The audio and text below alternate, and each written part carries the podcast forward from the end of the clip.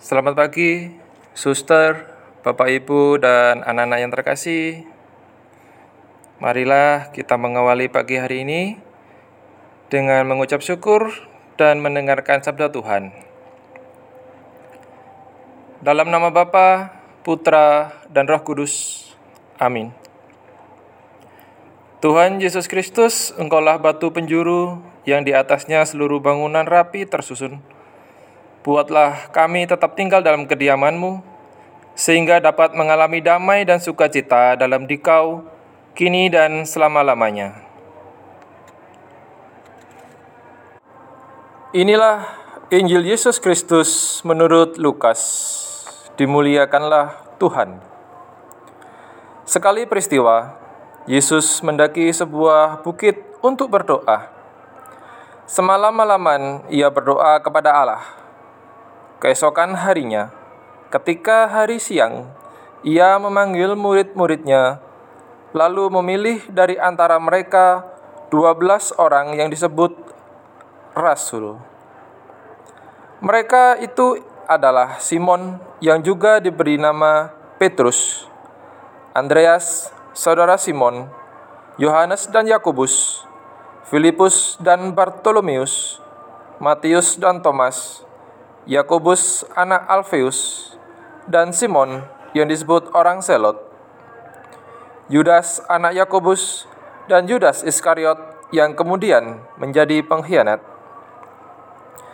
Lalu Yesus turun bersama mereka dan berhenti pada suatu tempat yang datar. Di situ berkumpul sejumlah besar dari murid-muridnya dan banyak orang yang datang dari seluruh Yudea dan dari Yerusalem, dari daerah pantai Tirus dan Sidon. Mereka datang untuk mendengarkan dia dan untuk disembuhkan dari penyakit mereka. Juga mereka yang dirasuki oleh roh-roh jahat beroleh kesembuhan. Dan orang banyak itu berusaha menjamah dia, karena daripadanya keluar suatu kuasa, dan semua orang itu disembuhkannya. Demikianlah Injil Tuhan. Terpujilah Kristus.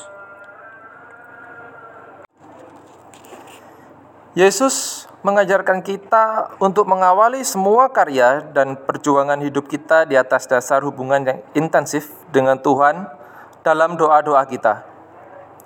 Dia bahkan berdoa semalam-malaman sebelum memutuskan untuk memilih kedua belas rasulnya, termasuk Simon dan Judas, yang hari ini kita rayakan pestanya. Ini bukan hanya soal lamanya waktu dan panjang untuk berdoa, namun yang paling penting adalah kesungguhan dan kedalaman di dalam doa. Dia berdoa bersungguh-sungguh untuk sebuah keputusan yang maha penting yang akan diambilnya, karena di tangan mereka lah gerejanya akan dilanjutkan. Yesus membutuhkan para rasulnya yang mampu mengikutinya dengan dan setia selamanya. Dan ini bukanlah hal yang mudah. Satu di antara para muridnya kemudian mengambil jalan lain sebagai pengkhianat.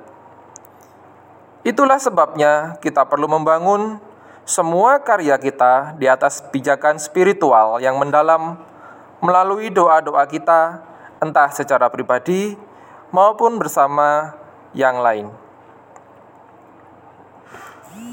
Tuhan Yesus Kristus, sebelum Engkau memanggil murid-muridmu, Engkau berdoa terlebih dahulu. Terima kasih ya Tuhan, Engkau telah mendidik aku, Engkau telah mendidik kami, anggota gerejamu pada saat ini, untuk berdoa terlebih dahulu sebelum melakukan setiap karya dan tugas sehari-hari. Amin. Dalam nama Bapa, Putra, dan Roh Kudus. Amin.